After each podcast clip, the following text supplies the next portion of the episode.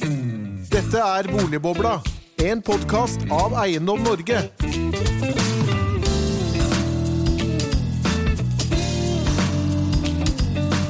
Hjertelig velkommen til en ny episode av Boligbobla.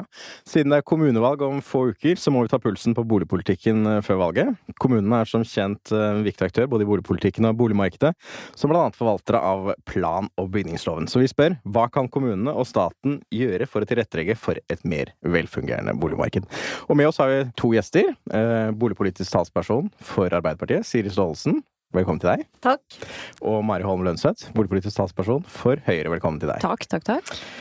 Men først, Christian. Det har jo vært en stor nyhet eh, siden sist. Fordi du skal slutte som sjef for boligprisene.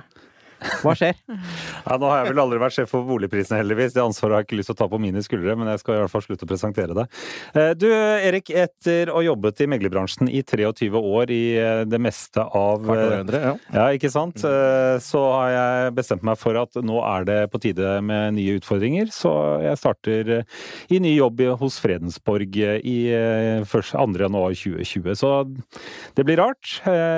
Både vemod og forventninger med glede. Så, mm, men jeg tror dere klarer det bra uten meg. ja det er bra. Så, men litt kort, hva, hva er det stillingen består i?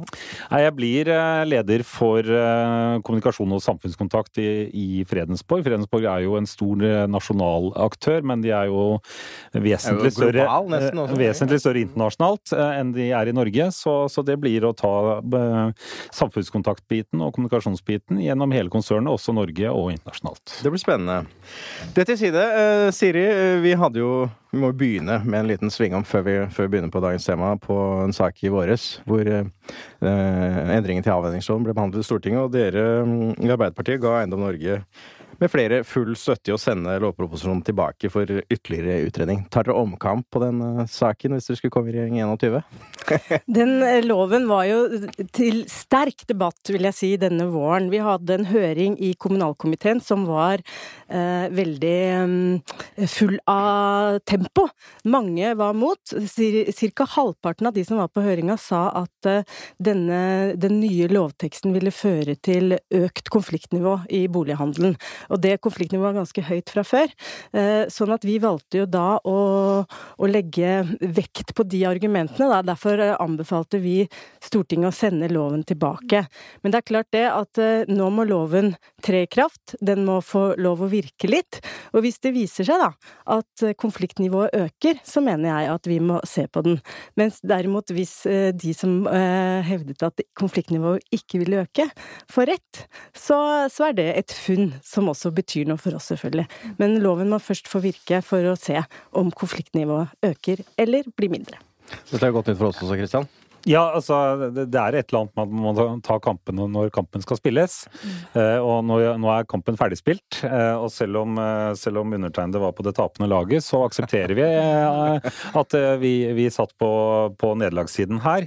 Nå er vårt fokus 100% på at vi skal oppnå det, eh, forsøke å oppnå det regjeringen har eh, tro på, og den loven som er vedtatt. Så fokuset er nå på å gjennomføre dette her på best mulig måte, og forhåpentligvis har vi tatt feil, og at konfliktnivået går ned. Ja, jeg, jeg tror jo ærlig talt også at konfliktnivået kommer til å gå ned. Det er jo en av grunnene til at regjeringa også fremma det lovforslaget, som jeg egentlig ble litt overraska over at Arbeiderpartiet var så utrolig mot. For det er jo nesten helt likt forslag de har fremma i Stortinget tidligere. Men det til side jeg også opplever når jeg møter meglere nå, andre aktører i eiendomsbransjen, så er de egentlig opptatt av å innstille seg på det som kommer. Så har jo ikke den loven her trådt i kraft i det hele tatt. Eh, Det forutsetter jo at det kommer en forskrift på plass eh, først, og det la vi jo inn som en tydelig forventning. Sier ryktene det skal komme før jul, i hvert fall utkastet. Ja, det er jo eh, lov å håpe på det. De er iallfall på full gang med å jobbe ned i departementet. Så får vi håpe at det da trer i kraft ganske raskt etter det. Eh, om Men det denne skal jo da må- sendes på høring, vet du. Den skal ut på skal på høring. høring. Det tar tre måneder! Det tar tre måneder. Det tar ikke ti år, da! Så, ja. Nei, men eh, jeg må jo også bare si at det la jo også vi helt klart til grunn, var jo at hvis det her viser seg å slå feil ut, for eksempel der omdiskuterte 10 000 kroners grensa, så har jo vi skrevet helt klart og tydelig i innstillinga også, at eh, da må man ta en runde på det.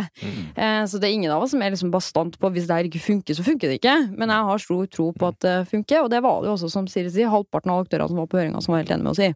Så det er jo ikke svart-hvitt. Ja, det er bra. Det det er er der vi er nå. At uh, nå må vi se hvordan loven virker.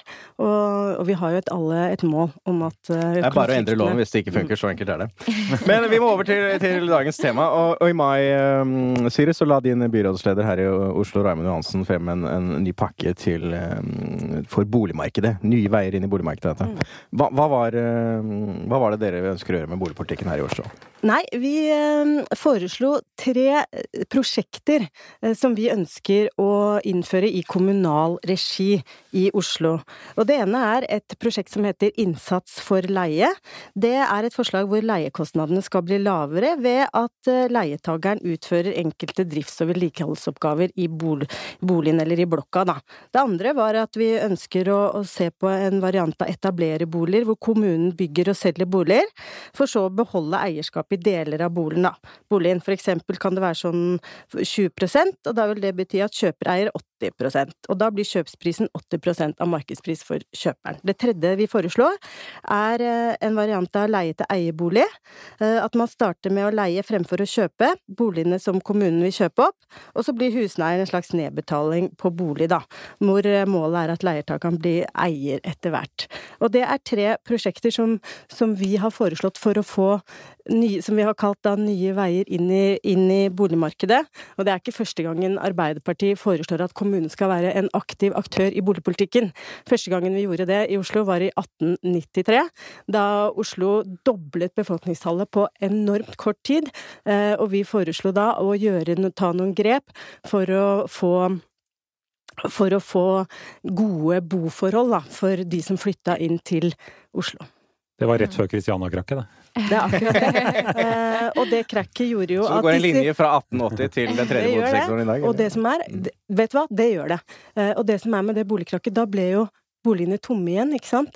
Og så, når de begynte å fylles på igjen på begynnelsen av 1900-tallet, så skjedde det samme igjen. Arbeiderpartiet tok initiativ til at kommunen skulle være en aktør for at det skulle være verdige boforhold for folk i Oslo. Men, men bare for å spørre dere, da. Det er altså, den tredje boligsektor er dette, dette blir kalt. Altså, det er jo å eie bolig som har vært den norske suksessoppskriften. Er ikke dette et slags brudd med Nei, altså, som jeg sa akkurat da, så er det ikke det. Fordi dette handler om at kommunen skal være en aktør for at flere skal få mulighet til å eie egen bolig. Og dette har vært utrolig viktig for arbeiderbevegelsen, og Oslo har liksom gått i front der. Eh, boligkooperasjonen ble stifta i, om jeg husker riktig, 33, tror 1933 med et borettslag på Sinsen, hvor vanlige folk fikk muligheten til å flytte fra Vika med dårlige boforhold, do på gangen, eh, opp i leiligheter på Sinsen med, med vann og kloakk inne, og de fikk jo da en eierandel. Eh, Sånn at for Arbeiderpartiet har det å gi vanlige folk mulighet til å eie sin egen bolig, det har ligget i ryggmargen til arbeiderbevegelsen helt siden vi starta opp. Eh, Og så har jo boligmarkedet utviklet seg. Disse bolig... Eh, andelene har jo endra seg til å blitt en eiendel, som, som gjør at, at vi eier den helt og fullt nå, da. Obos-leilighetene våre eier vi jo, eh, og det syns vi er kjempebra, og vi ønsker å fortsette den eierlinja. Det aller viktigste for Arbeiderpartiet er å ha en politikk som sørger for at flest mulig kan eie egen bolig, og vi mener at disse tre prosjektene som byrådet har lansert, er en vei til å få enda flere til å få mulighet til å eie egen bolig. Jeg må bare si, jeg syns Arbeiderpartiet bare kan være ærlig, for jeg mener at det er en brudd med den norske boligmodellen. Altså Man liksom ser tilbake til at man altså tidligere eide andeler i Obos-leiligheter, men det er jo ikke sånn det fungerer nå lenger i dag.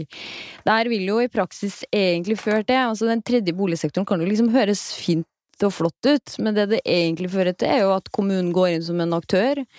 Skal bidra til å presse boligprisene opp, for at man skal kjøpe opp eh, boliger og drive dem sjøl. Altså hvis vi ser på hvordan byrådet tidligere her i Oslo har drevet boligpolitikk, altså bare ta bolig, boligbyggskandalen, så virker jo ikke det som om det nødvendigvis vil fungere så godt heller. Men jeg tror noe av det største problemene for altså det rød-grønne Oslo-byrådet er, er nok at man ikke har tatt de hovedutfordringene i boligmarkedet på alvor. Eh, noe av det viktigste man gjør for å være en aktiv eh, del av boligpolitikken i en storby, som jeg tror alle politikere er opptatt av, det er å sørge for at man regulerer nok boliger. Eh, Og her har vi jo sett at det rød-grønne byrådet kan jo gjerne legge frem planer som de mener at ikke skal være kommunalt subsidiert, så man vet ikke hvor pengene skal tas fra.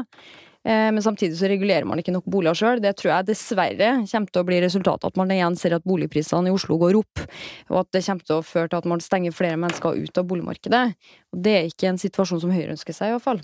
Altså Ambisjonene var, var jo tydelige. Så var det snakk om På lang sikt sa Raymond Johansen at uh, kommunen burde eie kanskje 20% av boligmassen i Oslo. Uh, det er jo ekstremt hårete ambisjoner. Gitt og veldig dyrt, da. Ja, det, det, gitt at uh, da boligmassen, den kommunale boligen, jeg bare tok et lite overskudd her eh, før sendingen, det er 3-4 i dag. Det er 11 000 boliger. Så det er ganske mange titalls tusen boliger man må erverve, da, eller eventuelt bygge. Hvordan skal man egentlig se for seg å få til dette her i, i praksis? Nei, Raymond har ikke sagt at, eh, at dette, disse prosjektene skal være 20% av boligmassen i, i uh, Oslo. Det er en forvrenging av det han sa. Mm. Men for eksempel, disse prosjektene skal jo føre til eierlinja mm. fullt og helt på sikt, ikke sant? Uh, ved at kommunen bygger og, og, selger boliger. Det har kommunen gjort før når det har vært behov for det. Det eh, snakka jeg om i stad. og her skal vi gjøre, foreslår vi å gjøre det igjen, mot at at, eh, at, de som kjøper, da får muligheten til å kjøpe en viss andel. Og leie til eie, da bruker man altså husleia til å betale ned på, på, på huslånet på boligen, og så ender du opp med å eie den til slutt. Sånn at det er eierlinja, eh, disse prosjektene som legges fram her. Og så vil jeg bare si at vi var jo i Sandnes eh, og så på et veldig spennende leie-til-eie-prosjekt. Og det handlet jo om hvordan de får flere til å gå fra leie til å eie.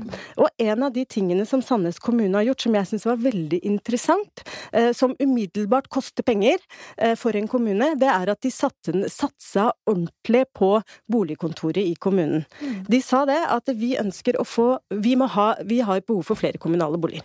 Så tenkte de at kan det være et alternativ til å enten bygge eller kjøpe kommunale boliger? Kan det være å få de som bor der til å, å stole på og tørre å kjøpe egen bolig? Og det var ganske, et langt lerret å bleke for mange av de beboerne som de kontakta. Men ved å ha veldig tett kontakt og være tett på beboerne, så klarte Sandnes kommune å frigjøre en del kommunale boliger, og på den måten få ned køen for kommunale boliger, da, ved at folk som allerede bodde i de kommunale boligene, turte å ta opp lån og kjøpe egen bolig. Det syns jeg er et veldig godt eksempel på fornuftig bruk av kommunale midler, da. Mm. Fordi på sikt så lønner det seg. Det er klart det gjør det. Eh, å få folk til å eie er, eh, er gull verdt. Og derfor så har jo vi vært opptatt av det med startlån. Eh, og har styrka startlånsordningene med 9 milliarder i hvert alternative budsjett. Mm. Fordi vi mener at det kan hjelpe sånne folk som, som, som de som satt i kommunale boliger, da, i Sandnes kommune. Ja. Ja, jeg, vi, har vært, vi, har vært, både positive og negative til det som er foreslått her i Oslo? er vi ikke det? Ja, jeg tenker vi, vi tenkte å komme inn og starte, men vi bare vente litt med den diskusjonen. Eh, men jeg Jeg, jeg, jeg syns jo på mange måter at uh, det uh, byrådet i Oslo kom med, uh, er interessant. Inspirasjon er jo hentet fra bl.a. Sandnes og et par andre kommuner rundt om i Norge. og det som jeg tror, det som jeg syns er positivt, at nå, nå, er man mer offensive på kommunalt nivå i forhold til å prøve å gjøre en innsats, eh, primært for de da som står utenfor boligmarkedet, og det er ofte da de unge. Eh, for de vanskeligstilte har jo et tiltaksapparat gjennom startlånsordningen slik det er i dag. Eh, det syns jeg er positivt. Det jeg er veldig overrasket over at man tør, ref også da erfaringer både i Norge og internasjonalt, det er at man som kommune går vesentlig lenger inn i rollen som rett og slett utbygger. Mm. Fordi det som, det som man har et virkemiddelapparat, ta Kristiansand Kristiansand f.eks., når de går inn og er den klart mest offensive kommunen på regulering. Men de, de, det er ikke bare at de regulerer tomter, de går inn i en dialog med utbygger, utbygger, også i forhold til hva slags type boliger, også inn på leiesektoren, og jobbe strukturert på å få folk inn i boligmarkedet. Det bidrar til reguleringsreserver som er store nok, og det bidrar til også det bygges boliger som kommunen trenger. Og det som, det som jeg skulle ønske meg, det er at kommunen kunne vært en drivkraft drivkraft for å øke ikke bare reguleringstakten, Men også at hvis man går inn og sier at ja, nei, kommunen skal kjøpe 10-15-20% av boligene i de eh, prosjektene som da reguleres inn, med konsepter som à la det dere tenker her på leie til eie, eh, for å hjelpe folk inn. Det kunne vært en, eh, både en, regulatori, en regulatorisk rolle fra kommunen, samtidig som du får markedskreftene til å ta markedsrisikoen som utbyggere. For det er det jeg ikke forstår, at kommunen virkelig vil inn i det markedet der.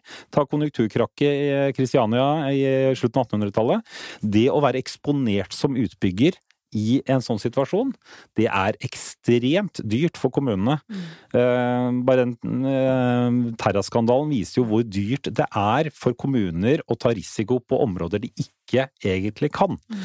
Og det er der jeg mener at uh, det er skummelt det som foreslås, mm. men det er tanker i dette her med eh, å jobbe inn mot markedet med samtidighet, som er spennende. Mm. Siri, det er vel det at Forutsetningen her er jo det at markedet også må bli utvidet. Det må jo bygges ganske mye mer boliger hvis man skal ha ambisjonen om, om, å nå disse målene. Ja, jeg tenker at det, eh, det aller viktigste boligpolitiske målet for Arbeiderpartiet er å få opp boligforsyninga. Vi må bygge flere boliger, sånn at det er flere boliger på markedet. Da blir det lettere for førstegangskjøpere å komme seg inn i pressområder som f.eks. Oslo. Så mener jeg at disse tre prosjektene som byrådet har lansert, er veldig fine som et substitutt da, til eh, boligbygginga som foregår ellers. Det er sånn at eh, byrådet har regulert dobbelt så mange eh, boliger som det forrige byrådet i sin siste periode, sånn at reguleringstakten er høy i Oslo. Og det er altså sånn at vi har ferdigregulerte tomter, f.eks. i Groruddalen, som boligbyggerne ikke vil bygge, for de mener at den økonomiske gevinsten er for lav, da sånn at de er ikke interessert. Da mener jeg at kommunen kanskje må se etter virkemidler, da, hvor vi kan få med oss boligbyggerne på laget. Eh, vi snakker jo med de samme fagfolka, alle, ikke sant, alle partiene. Eh, og en sånn gjenganger har vært det siste året nå, er jo et um, eh, forskningsprosjekt som har vært, uh, vært revidering av Eller uh, en eh, gjennomgang av hvordan den nye plan- og bygningsloven virker. Eh, og ut ifra det så har forskerne kommet med noen anbefalinger til oss. Eh, og et av de forslagene ligger i Stortinget nå, og det er nemlig at vi skal endre plan- og bygningsloven sånn at det er mulig for kommunen å si f.eks. at i dette prosjektet, her legger vi ut en tomt, eller her legger vi ut et, et reguleringsforslag, da. Her mener vi at 10% skal være leie til eie, f.eks. Den, den endringa sier de forskerne at absolutt absolutt må på plass. Regjeringen sier nei til det. Monica Mæland har svart, den har eh, avvist det forslaget. Mari. Det er jo ærlig talt fullt mulig for kommunene å gjøre ganske mye av det der allerede i dag. Det er det jeg ikke helt uh, forstår, da. Fordi man kan jo gå inn i den enkelte reguleringsplanen. Jeg har vært lokalpolitiker selv. Eh, i Trondheim og jobba der også med, som er by-pressområde. Og det er jo fullt mulig å gå inn og si at innenfor denne reguleringsplanen så skal vi ha den type boliger, vi skal ha den type boliger, vi vil ha tilvisningsavtaler som gjør at kommunene også kan få en større andel leieboliger som man også låner fra, fra private for å bruke til kommunale boliger. Men jeg syns det er liksom fint og flott at Arbeiderpartiet sier at det viktigste er altså kommunen som markedsregulator, men det er jo ingen av de tre forslagene dine som handler om å sørge for at det reguleres flere boliger. Man kan si at det er høy reguleringstakt, men sannheten er jo at det er flere områder som man i Oslo f.eks. har valgt å ikke regulere det rød-grønne byrådet, som dere hadde hatt muligheten til å regulere om til boliger, som ville ha ført til at også boligprisene på sikt ble holdt mer stabile. Det er altså noe av det viktigste vi gjør for å sørge for at prisene holdes stabile er, og da folk kommer seg inn på boligmarkedet på egen hånd, fordi vi må faktisk huske på at det er 80% som bor i en bolig som de eier sjøl, det er at vi sørger for at det utbygges nok, også når vi blir flere mennesker. Og man kan si at det er et viktig mål, men når den praktiske politikken viser at man ikke klarer å gjøre det, da mener jeg at man må men, gå Men vi har fått en gave nå. Fordi vi har bestemt på Stortinget uh, at vi skal bygge hurtigtog inn til Oslo. Og vi har et stort arbeidsmarked i Oslo og Akershus. Og ved å bygge stasjoner i sentrum av byene som ligger utafor Oslo og Akershus, så kan vi uh, gjennom byvekstavtalene få bygd uh, skikkelige boligområder rundt de stasjonene. Men så sier regjeringen at hm, jeg ser at dette her blir litt dyrt, sier Dale. Eh, spørsmålet er om ikke vi skal bygge disse stasjonene utenfor sentrum, f.eks. i Fredrikstad. Det mener vi er uklokt. Vi mener at det er jo helt fantastisk hvis det er folk som jobber i Oslo og Akershus, kan bo et stykke utafor Så du vil ikke ha befolkningsveksten i Oslo, er det det du sier? Nei, jeg er, nasjonal, jeg, er, jeg, er, jeg er nasjonal politiker, ikke sant? Mm. Og jeg mener at uh, på 70-tallet så fikk vi en, en, eh, en nyutdanna generasjon, ikke sant? De som studerte på Blindern på 60-tallet, mange av dem fikk seg jobb i Oslo, hadde ikke råd til å bosette seg i Oslo, bosatte seg utafor. Bosatte seg i Nittedal, på Skjetten, Vestby, Lier, ikke sant? Det ble sovebyer. De pendla inn og ut av Oslo med buss, og så levde de livene sine der ute. Jeg vokste opp på Skjetten sjøl. Jeg mener at det er litt sånn Vi kan gjøre det samme nå, men vi kan gjøre det på en klokere og mer miljøvennlig måte. Ved å tilby folk da, for at eh, folk trekkes mot byene. Men de må jo gjerne trekkes til andre byer enn Oslo. Hvis du Ja. kan leve eh, et urbant liv i Fredrikstad, men nært, nært på stasjonen, og så komme deg kjapt på jobb, om du jobber i Ski eller Oslo, det er jo helt fantastisk. Vi Men kan gjøre Norge ikke- mindre. det Jo er da, men, men det er jo klart, det, det er jo litt de lengre linjene, og vi snakker vel 2030 hvor intercitytriangelet er ferdig. Men øh, altså det er en øh, viktig erkjennelse for oss da vi var nede på Arendalsuka, det var jo at Kristiansands kommune i snitt har regulert, altså det er en kommune med nesten 100 000 innbyggere, har regulert nesten det samme som Oslo. Både under den rød-grønne og øh, det borgerlige byrådet før det. Vi snakker om et antall på rundt 900 i året i snitt, eller noe sånt. 900 000, og det ligger på det Kristiansand. Altså, hvorfor har ikke man fått regulert enda mer altså, enn dette? Nei, det er jo der skoen faktisk trykker. Nei, altså, eh, det kan i hvert fall ikke være sånn at boligbyggerne bare skal få lov å bygge liksom på indrefileten på Sørenga, ikke sant. Eh, Derfor så mener vi at vi må regulere i hele byen, og når vi da regulerer tomter i Groruddalen og ser at utbyggerne ikke er interessert, fordi vil ikke tjene nok, da mener vi at det er grunn å, å si fra om det, i hvert fall. At vi har regulert, men det er ikke interesse for å bygge. Så har vi jo Tjuvholmen som et nytt eh, boligområde. Det andre liksom ubebygde marken i Oslo er jo helt syd i Oslo. Det aller billigste for en utbygger er jo å bygge på ubebygd mark, hvor man slipper å sanere. Eh, og, og da er jo det eh, i Oslo sør, på grensa til Akershus, et ganske stort boligområde som, som det jobbes med for å få bygd en by. Eh, så er det utfordringer der knytta til hvordan skal disse folka komme seg miljøvennlig inn til sentrum for å jobbe, gå på skole. Nå svarte ikke på spørsmålet, da, men Men, men Christian, vi kan jo litt om boligmarkedet. Hvorfor bygger ikke utbyggerne ut? Det er, det er ikke et kort svar på, Erik. Det er veldig mange grunner til det. Men det er klart at eh, det vi ofte ser eh, det er jo en kostnad på nybygg. eh, For å, for å ta det i forhold til eh, en del av de områdene i Oslo øst. eh, Hvorfor bygges det ikke der? Det er jo kombinasjonen av eh, Ja, det skal være en profitt for at en privat utbygger skal bygge. Det, det ligger jo i kortene. De, de kan jo ikke bygge med forventning om tap. Men eh, byggekostnaden er jo et element. Der er det jo eh, gjort en del grep sånn at det eh, har blitt billigere. Eh, Samtidig så ser vi at eh, det har vært en byggeboom de siste årene i Norge. Eh, Så prisen på tjenestene der ute, leverandørsfæren, har jo økt pga. at det er rett og slett nok å gjøre, og da går prisen opp. Og så ser vi også at tomtekostnadene har økt betydelig. Eh, Og det, og det er klart det er jo en utfordring i seg selv, spesielt i Oslo. Men jeg vil gjerne tilbake også til, til det Mari sa i forhold til at Oslo ikke har gjort jobben sin. Og der, må jeg jo si at noe som vi har støttet Arbeiderpartiet på, det var vel i 2016 dere kom med dette Dokument 8-forslaget, var at eh, kommunene skal ha større forpliktelser i forhold til regulering av tomteareal til boliger, eh, i forhold til den forventede veksten i befolkningen og det underliggende boligbehovet som ligger der. Og Der ønsket jo Arbeiderpartiet at man skal gå mer inn eh, fra staten og, og, stille forpliktende krav til kommunene i forhold til reguleringstakt.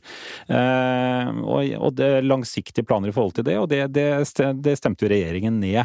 Eh, og Tror du ikke slike grep gjør det mer stabilt forutsigbart i forhold til reguleringstakten? Altså Når jeg ser måten de driver på i Oslo eksempel, og ikke klarer å regulere nok boliger, så hadde det vært fristende for meg som rikspolitiker å gå inn og detaljstyre at de skulle ha vært flinkere på det.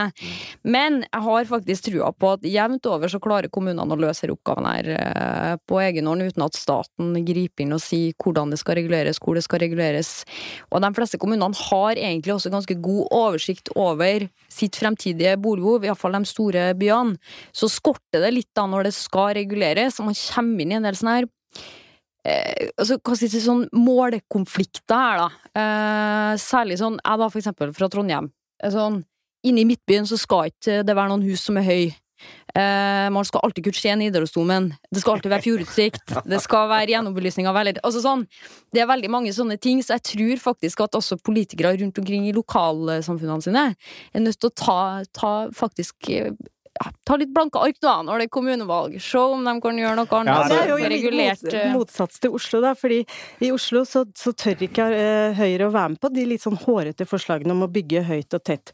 Fordi den lokale motstanden da, blir men- så stor. Ja, ja. Eh, og, men- og jeg vil bare si, til, siden vi diskuterer så veldig disse reguleringstallene altså Høyre i sin forrige bystyreperiode regulerte altså halvparten av det byrådet har levert i denne perioden. Det er litt hvordan du regner det, med hjertelig sensor eller ikke, men Ja. ja. Men, men, men jeg vil bare si at du peker Ja, ja. jo på Oslo, men jeg vil jo si at du skal ikke lenger enn ut eh, til Bærum. Eh, så har du et eh, Det er vel den mest kon kontrollerte Høyre-kommunen i Norge. Eh, og og i, eh, Bærum så sier man vi gjør jobben vår, for se hvor mye vi regulerer på Fornebu. Tar du ikke Fornebu fra tallene i Bærum, så er de ikke i nærheten av å gjøre jobben sin. Og Fornebu ligger nesten i praksis i Oslo. Eh, og Bærum er en stor kommune.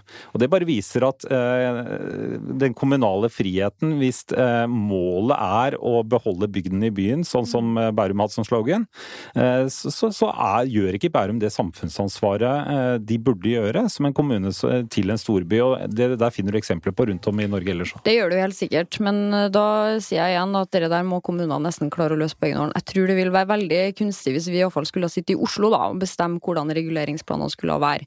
Men så handler det jo om å legge til rette da, for at man f.eks. bygger mye rundt kollektivknutepunktene, og det betyr jo ikke bare Oslo, det betyr jo f.eks. også Bærum. At man sørger for at eh, kommunene og fylkeskommunene faktisk får penger for å gjøre eh, den jobben, at de sørger for at folk flytter dit.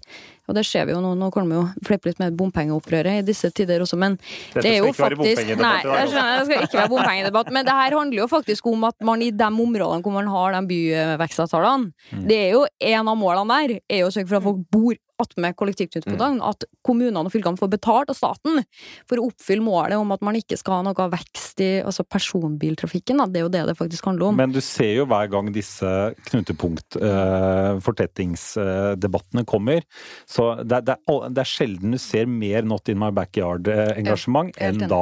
Og da ser vi at de lokale politikerne som sitter så tett inn på velgerne sine i de diskusjonene, skygger banen. Det ser vi nå i Høyre, flere steder i eh, Oslo vest, for der er det en kjerne høy- Høyre-velgeren, og du ser det andre steder i byen hos andre partier. Eh, Så, så det er en svakhet med lokaldemokratiet òg, når det skal tas tøffe beslutninger. Mm, men du har ikke funnet noe bedre styringsform enn demokrati ennå, altså. Men, ok. Nei, men det er jo klart at det er jo hvis- hvis jeg et si en- mellom stat og hvis- kommune, Hvis jeg bare kan si én ting, er at uh, det vil være en av liksom mine kjepphester. Det har det også vært når jeg har vært lokalpolitiker også, er den her not in my backyard-mentaliteten er noen nødt til å ta et oppgjør med på et eller annet tidspunkt. Mm, Altså, det går ikke an eh, at man sitter eh, og liksom I min hage skal det ikke være sånn og sånn. Eh, I min by skal det ikke være sånn og sånn. Eh, men selvfølgelig så har man et ansvar lokalt for at man sørger at man fortetter eh, regulere områder på en måte som gjør at det blir gode bymiljø. Og så er det noe å ta vare på det også. Altså, man kan fleipe liksom med sånn eplehagefortetting. Det skal gjøres med vett. Absolutt. Eh, ja, og det tror jeg at, eh, at de vet lokalt best sjøl hvordan de kan gjøre. da. Eller så må man legge ut nye områder. Men det som er risikoen da, at da begynner man å ta matjord ofte. Mm. Det skal man også passe på å ikke gjøre. sånn at jeg tror nå man må bygge også mindre leiligheter, sikkert. Mindre boenheter. Flere og flere som har lyst til å bo i mikrohus. Det er jo spennende. Det er ikke helt På jomfruelig mark, var det det? Ja. Ja, det Men i forhold til kommunal handlefrihet, eh, Erik, så har vi jo også et eksempel på det. og Vi, vi har jo et mål om å ikke bare være Oslo-fokusert, men Oslo er ofte eksemplene på hva man skal og ikke skal gjøre rundt om eh, i landet. Eh, Og der har vi jo hatt Den kommunale valgfriheten har jo skapt bl.a. leilighetsnormen i Oslo. Mens du har eh, andre byer i landet som eh, eh, ja, som har en større frihet. Kan du beskrive litt om status der? Ja, altså det vi, vi har sett på Vi så jo på regjeringen eh, reviderte jo mm, plan- og bygningsloven i 2017, og det vi ser da, er jo det at eh, det går jo nå, etter den nye loven, an å bygge leiligheter ned i 22 20 kvadratmeter. Eh, Bodø, for eksempel, eh, store leilighetsbygg med bare 20 kvadratmeters leiligheter. Mens i Oslo så beholder, har dere fastsatt da en plan- og bygningsetaten har fastsatt en grense på at eh, 35 kvadratmeter, det går ikke an å leve på. Siri, det går an å leve på 20 Det går an å leve på kvadratmeter i Bodø og Tromsø. Det er helt vilt. Siri, hvorfor, hvorfor skal vi beholde denne leilighetsnormen? Vi Og det- mener at folk skal ha en bolig av god kvalitet, da.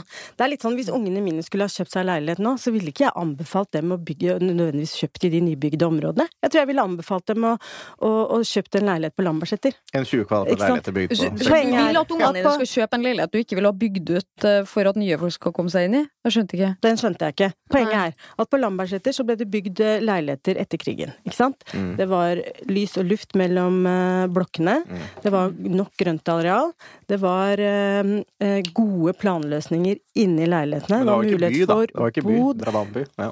Det var Jeg har mulighet bodd på for Lambertseter. bod. Det, det jeg følte jeg bodde i byen, jeg. Men, men det jeg mener, da, er at uh, TEK17 har åpna for uh, å lempe på en del krav. Eh, og så sier Høyre at eh, leilighetene mm, på den måten har blitt billigere, og at det, det var en helt riktig grep. Vi mener at, eh, at eh, ved å lempe på kravene, så har vi gitt boligutbyggerne mulighet til å tjene penger som ikke har kommet kjøperne til gode. Fordi leiligheten har jo ikke blitt noe billigere. Ikke sant? Sånn at vi mener at, eh, at eh, leilighetene er til å bo i, da. Ved siden av å ha en jobb og god helse, så er god bolig liksom det som skal til for at du skal leve et godt liv. jeg har bodd på Og 20 derfor så kvadratmeter. mener Det kan jo være en god bolig, det òg. Vi står på den leilighetsnormen fordi vi mener at det skal være en miks i sentrum. Det skal få være mulig for en familie å kunne leve hele livsløpet sitt inne i sentrum hvis man ønsker det. Men Da er 22 kvadrat litt lite. Det er altså fullt mulig å leve et eh, godt liv på en bolig som er under eh, 35 kvadratmeter. Og det må altså bygges boliger som folk faktisk har råd til å bo i. Du kan si kanskje byggekostnaden med at den har gått ned med over 100 000 kroner per leilighet. Kanskje på dem i de samme størrelsene med prisvekst, så kanskje ikke man ser det så mye på Men du ser det jo veldig godt. Hvis du søker på Finn etter en leilighet som er 45 kvadrat, og en som er 25, så er det jo helt åpenbart en prisforskjell mellom dem to som ville ha ført til at terskelen gikk ned. Det her er jo ikke bare en sak i Oslo. Eh, Det her med den form for arealnorm. Vi ser det i flere byer. Vi ser i, i Bergen, for eksempel, så har man også stilt krav om at også leiligheter eh, som er under 50 kvadrat, skal ha innvendig bod. Det er en av de tingene som vi sørga for å fjerne i tekken, rett og slett for at det gjør at kvadrat, altså arealet går Det ser ut til å ha funket, Det har jo faktisk. funka, sant? så at da fører det til at prisen går ned. Jeg tror faktisk at man må tørre å se litt på hvordan kan man bygge boliger som folk har råd til å bo i, ikke bare nødvendigvis at det er nok. Eh, altså at Jeg syns at det ville vært fint og flott å bo i en leilighet på 50 kvadrat da jeg var ny student og flytta inn i en leilighet på 30. Men jeg levde nå ganske godt, da. I den leiligheten på 30 kvadrat. Det var det jeg hadde råd til, da. Men jeg, vi, jeg mener at det viktigste vi som politikere eh, gjør i boligpolitikken, er ikke å bygge boliger for de som er nye studenter. Vi skal bygge boliger og lage et boligmarked for de som skal inn i voksenlivet sitt. Og det er liksom etter at du er ferdig med utdanningen din. Og hvem er det som kjøper disse små leilighetene i Oslo sentrum? I bydel Frogner så er altså 38% av boligmarkedet sekundærbolig. Det vil si at det er andre som eier dem enn de som bor der. Mm. Og i sentrumsnære områder vet vi at det er mindre leiligheter. Mm. Ikke sant? Sånn at eh, jeg mener at, eh, at boligpolitikken da er Ja, men det er fakta, da. Ja, sant? men det er ganske Sånn at særegent eh, jeg, jeg mener i hvert fall at eh, som politikere så må vi være med å få et variert bomiljø i indre by også, og ved å ha ulik størrelse på leiligheten, få mulighet til at folk skal kunne bo hele livet sitt der, mener vi er et gode, da. Vi er opptatt av det. Ja, Variasjon er absolutt eh, viktig for å skape godt bomiljø. og Alt henger sammen med alt. Hadde det vært regulert eh, veldig mye tomteareal og det har blitt bygd mm. mye mer, så tror jeg nok at vi hadde sett en større priseffekt av sånne type mm. i denne diskusjonen her. Men det som jeg eh, savner i denne debatten her, eh, vedrørende leilighetsnorm og store og små leiligheter, det er eh, å, å eh, løfte blikket enda mer. Mm. Hvis du drar til storbyer rundt omkring i Europa og verden, enten det er eh, i New York eller London eller eh, eh, Barcelona, eller, eh, så, så bygges det mye smått. Og det bygges sentrumsnært. Dette er også et eh, dette, dette har et klimaperspektiv. Og det er at veldig mye av de nye boligene som kommer i store byer rundt om i verden, det er at leiligheten er et sted du bor, mens du lever i eh, lokalmiljøet. Og Det kan til og med være at disse prosjektene, gjennom dialog med eh, planverket, får beskjed om at du skal ha fellesareal, eh, enten det er takterrasser eller om det er fellesrom, som skaper en helt annen dynamikk. Og Det ser du på en del av disse eh, konseptene som kommer til eldre nå, eh, seniorsegmentet i eh, ny, nyboligmarkedet. De satser på fellesarealer hvor de skal leve, men leiligheten er stedet du bor. Eh, og jeg, jeg savner det, fordi at hvis vi kan bygge mye mer sentralt med mindre enheter, med fokus på nabolag og eh, lokalmiljø, så, eh, så er det flere som kan bo sentralt, og det gir et eh, avtrykk i klimadebatten som har vært svært positivt. Ja, det er jeg helt, eh, helt enig i, men da, da er jo det første man trenger, da, er jo at man ikke Altså at man lar utbyggerne eh, sitte sammen med arkitektene sine og tegne opp gode områder. Tenk på hvordan det kan løses godt i praksis, men da trenger man altså ikke noen som har sittet på forhånd og bestemt at 35 kvadrat, nei, det er altså 34 kvadrat, det går det ikke an til å leve et godt liv på. Så da går det ikke an til at det har sittet politikere og tenkt sånn først. Man må faktisk ha litt eh, handlefrihet også for å finne gode lokale løsninger. Det tror jeg eh, de fleste også vil, vil klare å gjøre. Men det krever også at kommunen går inn aktivt i den helt rollen. enig. Ja, og da, jeg syns at de prosjektene som er lansert som handler om å ha eh, bo i litt mindre og ha fellesareal for eldre, er veldig spennende. Det er klart at det er Det er også en sånn ny vei inn i boligmarkedet. Eh, vi ser at det sitter eldre folk i store villaer. Her kan man sånn frigjøre, frigjøre mm, eh, leile eller hus, da. Til familier, ved at de eldre flytter inn. Så ser vi at prisene er så høye, da. Ikke sant? At mange av de eldre faktisk blir nødt for å ta, seg, ta opp lån for å flytte fra en enebolig på 250 kvadrat til en leilighet på 80-90, da, eh, i sitt eget nabolag. Så det er også en sånn ting som vi kan eh, ha i bakhodet når vi utformer vår politikk. Hva, er det noe vi kan gjøre for at de eldre, hva skal jeg si, lar være, da, å selge boligen sin? For det er, jo, det er jo ingen eldre som er interessert, egentlig, å få mer lån. De er jo på vei inn i Det er, det er vel ikke helt riktig, fordi, Det- det fordi det er seniorene som tar opp mye lån. De har så lyst på lån. De har så lyst på lån. Men ikke sant? det som er litt interessant, da, uh, i forleng- altså, som jeg kom på nå, det, det er dette her med arv. Uh, og det er altså sånn at hvis du eh, liksom Gullkortet i, i boligmarkedet nå er jo å være barnebarn av eldre som, som har hus og leiligheter i Oslo. Mm. Og det er urettferdig. Ikke sant? Det er en ulikhet i, i, i boligmarkedet nå som Om ikke det er urettferdig, så er det i hvert fall ulikhet. Ja. Det er Ja. ulikhet. Ja, jeg mener det er urettferdig. Hva vil du gjøre med det, da? Nei, Vi har jo sagt Da- det, at det aller viktigste vi kan gjøre for å få ned boligprisene, er, og det sa jeg i stad, er å bygge mer. Vi må Ja, bygge men- flere boliger, og de må ikke ligge på Sørenga, Tjuvholmen og i bydel Frogner. Vi må bygge i de områdene av Oslo hvor, hvor det er ferdigregulert. Gjersrud, Stensrud, Groruddalen. Vi må bygge utafor Oslo. Jeg begynte å spekulere på om det kom, kom sånn ny arveavgift. jeg nå skjønner. Det var det jeg så for meg kanskje skulle ha blitt droppa her, men det var det ikke det. Nei, det var ikke arveavgiftdiskusjon Nei, har tydeligvis. vi ikke men- diskuterte vi ikke det rett før sommeren? Nei, men Kristian, vi, vi trekker, jo, trekker jo tilgang til boligmarkedet, og når det gjelder det ulikhet, så ser det jo ganske ille ut for, for østlandsområdet gjennom sykepleierindeksen og familieindeksen, som vi også nå har eh, Ja, Eiendomsverdi lager jo dette, disse indeksene, og vi, vi eh, publiserer jo de, disse indeksene også. og det, det er klart at denne ulikhetsdebatten, som jeg syns er veldig veldig bra at har kommet veldig tydelig fram i ordskiftet, så det, det, har, det har blitt satt på dagsordenen, og det er veldig, veldig positivt. Eh, Men det er jo et veldig sammensatt bilde rundt omkring. Eh, Jeg tror vi har snakket om det før i podkasten òg, men det er klart at når eh, når en sykepleier, enslig sykepleier kan kjøpe eh, rundt 30% av boligene som ble solgt i første kvartal i år, i Bergen, i Trondheim, i Stavanger, og mm, 30% eller flere, da. I eh, Kristiansand er vi oppe i 60% så står det ikke så verst til med prisnivået i veldig mange byer i Norge, og det er relativt enkelt for mange å komme seg inn så fremt at de har klart å spare seg opp egenkapital. Men i Oslo så ligger vi på under 5 så, Og østlandsområdet også. Ja, og Follo ligger vi på rundt 5% Asker og Bærum så ligger vi på 3-4% Så det, det, er, det, er, det, er, det, er, det tøft å komme seg inn. Eh, men da er jo da diskusjonen hvordan skal vi hjelpe de unge? Uh, og der uh, har jeg egentlig lyst til å begynne, for du snakket om startlån, eh, Siri, men jeg har lyst til å begynne med deg, Mari. Og prøv, å komme med et annet svar, at vi må bygge mer.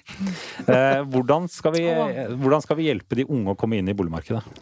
Eh, altså jeg tror Det som er kjernen, er jo at man må sørge for at prisen er lav. Altså at man har bygd boliger som folk har råd til å bo i. Jeg skal ikke si at vi skal bygge mer, siden jeg har sagt det. Men jeg tror noe av det man kan gjøre altså For vi har gjort veldig mye på forenkling. Eh, man, vi har gjort en del endringer på plan. Men det viktigste tror jeg faktisk er å fortsette arbeidet på plansida. Eh, og også se på om det går an til å digitalisere mer av hele byggesaksbehandlinga, rett og slett for å få den totale byggekostnaden ned, og få tempoet i bygginga opp. Det tror jeg må være noe av det viktigste. Så, men da stimulerer du det, på tilbudssiden. da. Ja. Men hva Ja. med etterspørselssiden? Nei, jeg mener at eh, kreditten Jeg mener helt ærlig at det er noe som man må se litt i sammenheng med Altså, med, altså man har ikke en boliglånsforskrift, siden det er noe dere egentlig har siktet til. Man har ikke det bare for å regulere boligmarkedet. Det har man jo egentlig for å regulere hele norsk økonomi. Så jeg mener at vi må ta vare egentlig på den uh, boliglånsforskrifta. Det handler om at man ikke kan påta seg mer gjeld enn man eh, kan betjene, for vi vet at det kan få ganske sånn heftig tilbakeslag på norsk økonomi i sin helhet, da. Rett og slett fordi at folk eh, i Norge er sjukt gode på å betale boliglånene sine. Sånn at de bruker mindre penger på å gå på restaurant og ja, kjøpe seg nye klær, da, for å si det enkelt, som gjør at hjulene går rundt. Men det jeg også har sagt før, er jo at i boliglånsforskrifta så er det også mulighet for å gi litt slingringsmonn, og så avviker vel 8 av tilfellene, både når det gjelder fem ganger inntekt og egenkapital. Det mener jeg at man i større grad bør bruke på unge, heller enn gamle, gode kunder som er gamle og har lyst til å kjøpe seg en hytte, eller ja, man må faktisk rette det mot unge, sånn at den terskelen Men, men hvor enkelt tror du det er for bankene, som sitter da med eh, langsiktige kundeforhold, Mm. eh, med personer som de gjerne vil beholde som kunder, Mm. eh, og ikke benytte denne potten på avvik eh, på 8% i Oslo og 10% i resten av landet Mm. til nettopp de først? For dette er kunder som er viktige for dem å beholde. Eh, hvor enkelt er det for en ung førstegangskjøper, et ungt par, å komme eh, høyt nok på prioriteringslisten hvis den potten er brukt en nær- nærmer seg Ja, da er jeg enig, men det er derfor det er min store oppfordring nå. Til at jeg tror Altså, dere er Ja, men Du kan oppfordre, oppfordre så mye du vil, Mari, men eh, spørsmålet er er det noe dere som politikere kan gjøre? Fordi at her, her, Ja, vi har jo skrevet her i Dere dokumentene våre. en kommentar på det? Mm. eh, så vi har jo lagt inn det, for vi har jo vært debatt om, eh, om det som handler om startlån eh, flere ganger. Og da var jo en av de tingene vi sa, at det må bli lettere for de unge da. At bankene bruker slingringsmonnet sitt eh, på, på dem. Det tror jeg er veldig viktig. Men så vil jeg også bare gi litt honnør da, til noen av de private aktørene i markedet, som også har egne form for leie-til-eie-prosjekt. Det er flere av boligbyggelagene som har det. Eh, Obos har Bostart. Tobb har det. Fredensborg, Eh. Fredensborg har lansert det. Altså, det er veier inn som viser også at de tar sitt eh, Og byrådet i Oslo har eh, kommet med det. Så det, det er Ja, og byrådet de har lov til å gjøre det sjøl innenfor eh, de rammene men, men de eh, har. her har vi jo da en gruppe som eh, er stigmatisert, definert som vanskeligstilte, som har tilgang til startlånordningen. Og så har du de som klarer å oppfylle enten gjennom arv eller eh, familiebanken, som vi kaller det. Eh, kommer seg inn på en eller annen måte. Så har du den gruppen imellom eh, som du oppfordrer at skal komme inn gjennom at bankene skal prioritere det. Der ønsker du å bruke startlånsordningen, eh, Siri? Ja, og det har vi jo gjort også under den rød-grønne regjeringa. Da sa vi at eh, unge som har gode fremtidsutsikter, typisk fast jobb, men som ikke klarer å, å ha nok egenkapital, istedenfor at de liksom Fordi prisene øker mer ikke sant, enn en det de klarer å spare, så kommer de liksom aldri inn. Da mener vi at startlån og Husbankens startlån kan være med å hjelpe eh, den gruppa som er ganske liten, inn i boligmarkedet. Vi mener at det er eh, en god, god måte å bruke staten på. Så vil jeg bare si at eh, jeg er veldig enig med Mari i det hun sier om viktigheten av, av boliglånsforskriften. Vi må slutte å Altså- si det er vi også. For ja. jeg bare har lyst til å si det. Det er ingen som ikke er imot eh, boliglånsforskriften. Det at staten er inne eh, med en kjærlig hånd overfor bankene, det mener jeg er bra. En god mor. Altså, bankene har gått over styr flere ganger. Og da har mor kommet med gullkortet i 2008, og i, var det 1989? 87? Eh, måtte også staten inn og redde bankene. Eh, sånn at her er staten bare en kjærlig mor som vil ta vare på de som ikke helt klarer å si nei til seg sjøl. Fordi bankene de, de har vist det, da. At de klarer ikke Men helt å si nei til seg sjøl. Så, eh, så jeg tenker at, eh, at boliglånsforskriften er viktig. Den er særlig viktig i Oslo fordi den sier at hvis du skal kjøpe sekundærbolig, så må du ha 40 egenkapital. Men kan jeg bare stille deg et kjapt spørsmål? Fordi det, det fascinerer meg så utrolig å høre liksom, når Arbeiderpartiet er så glad i boliglånsforskrifta. Eh, så er jo egentlig startlån en måte å omgå den på. Altså, vi hadde jo en debatt her, det kom jo frem tall som viser at mange av dem som eh, nå altså, har fått egenkapital gjennom forbrukslån, Mm. det tror jeg de fleste av oss er bekymra for. Også den form for usikra gjeld, veldig høy rente, så skal det ikke være. Eh, men eh, altså, selvfølgelig, startlån vil jo ha en annen rente, og det vil jo ha en annen sikkerhet. Men samtidig så fører jo det ærlig talt til at bare hvis du er ung, så er det lov med 100% lånefinansiering av bolig. På statens sin eh, velsignelse. Så hvis man mener at man ikke skal ta opp mer eh, lån enn man kan betjene, så er jo det litt sånn Er det statens er rolle jo å ikke omgå ugyldig, da. forskriften? Det Da? er jo det ikke er jo det. ugyldig, for det skal jo være et tilbud til unge som har gode betalingsutsikter, da. Ikke sant? Men Ja, som ja. ikke klarer å spare opp. Sånn at det, det, det er ikke sånn at liksom det er hull i lomma.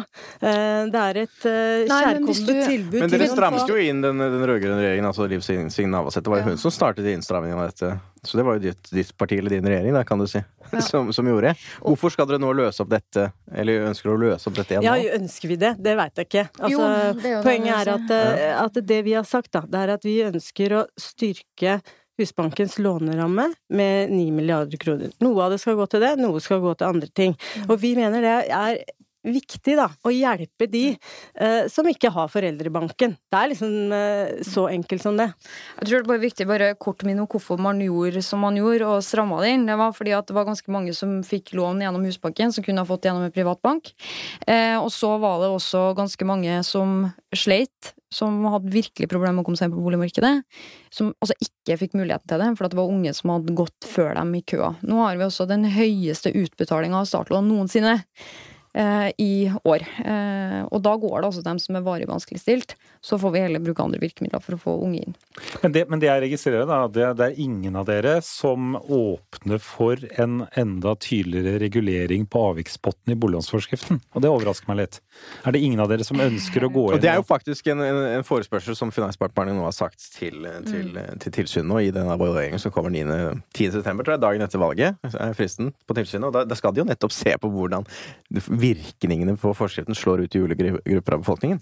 Ja, vet du hva, jeg altså, syns det var spennende, det dere sa der om at, eh, at for, for stor andel av de avvikene går til de som allerede har lånt mye og har et god det vet du ikke, men det er grunn til å anta det. da. Ja, ikke sant? Og, og jeg tror at Mari og jeg er like opptatt av de unge på boligmarkedet. En sånn bekymring som jeg har, eh, eller eh, Det er at da jeg kjøpte min første bolig, så fikk vi muligheten til å leie, låne tre ganger inntekten vår. Mens ungdom nå får mulighet til å låne fem ganger inntekten. Det betyr at de binder opp ganske stor del av sin fremtidige inntekt da, i, eh, i boligen sin.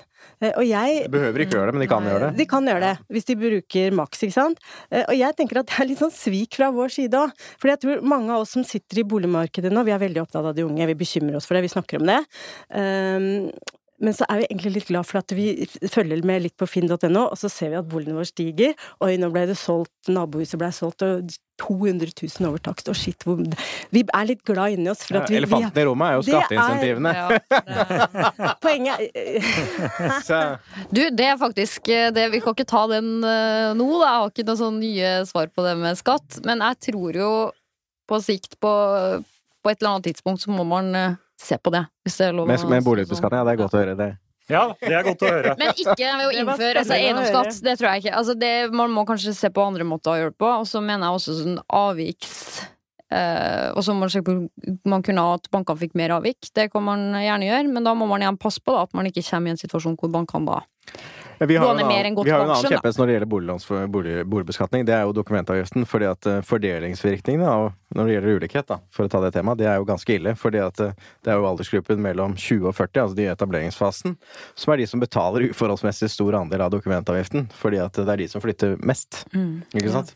Og det, det skattetrykket bør jo fordeles på alle som eier, istedenfor at de gjør det i en kritisk fase, som nemlig er når du skifter bolig. Så som demografene sier, når man er 55, så er man ferdig flyttet. Så i hvert fall foreløpig i det norske samfunn. Men vi, vi begynner å nærme oss en avslutning her, Kristian. Ser jeg på, på klokken. Vi har noen, har noen veldig- Jeg tror ikke jeg sitter her hvert øyeblikk. Ja. Men vi har noen faste spalter vi pleier å gå gjennom. Ja, vi pleier å spørre gjestene våre- våre deres første boligkjøp. Eh, Hvor kjøpte dere, hvor mye betalte dere, og ja, om dere har noen morsom historie i den sammenheng? Du, jeg er sånn superkjedelig. Jeg liker eh, at det skal være forutsigbart og enkelt. Så jeg har kjøpt meg bolig to ganger, eh, og begge gangene så har jeg kjøpt nybygg. Ja, ja. Før det var ferdig. Første boligen jeg kjøpte, den kjøpte jeg rett ved eh, Elgeseter i Trondheim. Eh, rett ved sykehuset. Og Ja. den kosta 2,1. Ja. Og du bor i Trondheim fremdeles, ikke Jeg bor i Trondheim fremdeles. Nå har jeg kjøpt meg en ny bolig. Den på Lade. Ja. Den er ferdig om en måned. Åh, så spennende. Så spennende. Ja, det er gøy. Min første bolig kjøpte jeg sammen med mannen min da vi var 31 år. Etter å ha vært på visninger over hele Oslo øst. Så endte vi på Holmlia, for der fikk vi mest eh, kvadratmeter og utsikt for pengene.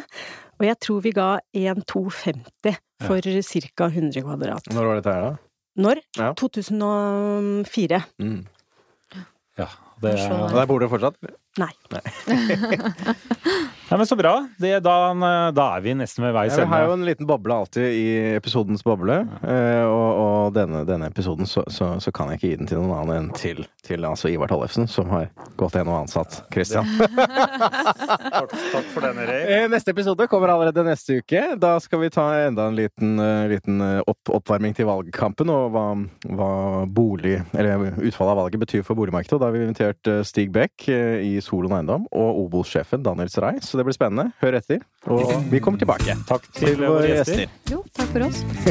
Godt valg. Tusen takk. Godt valg.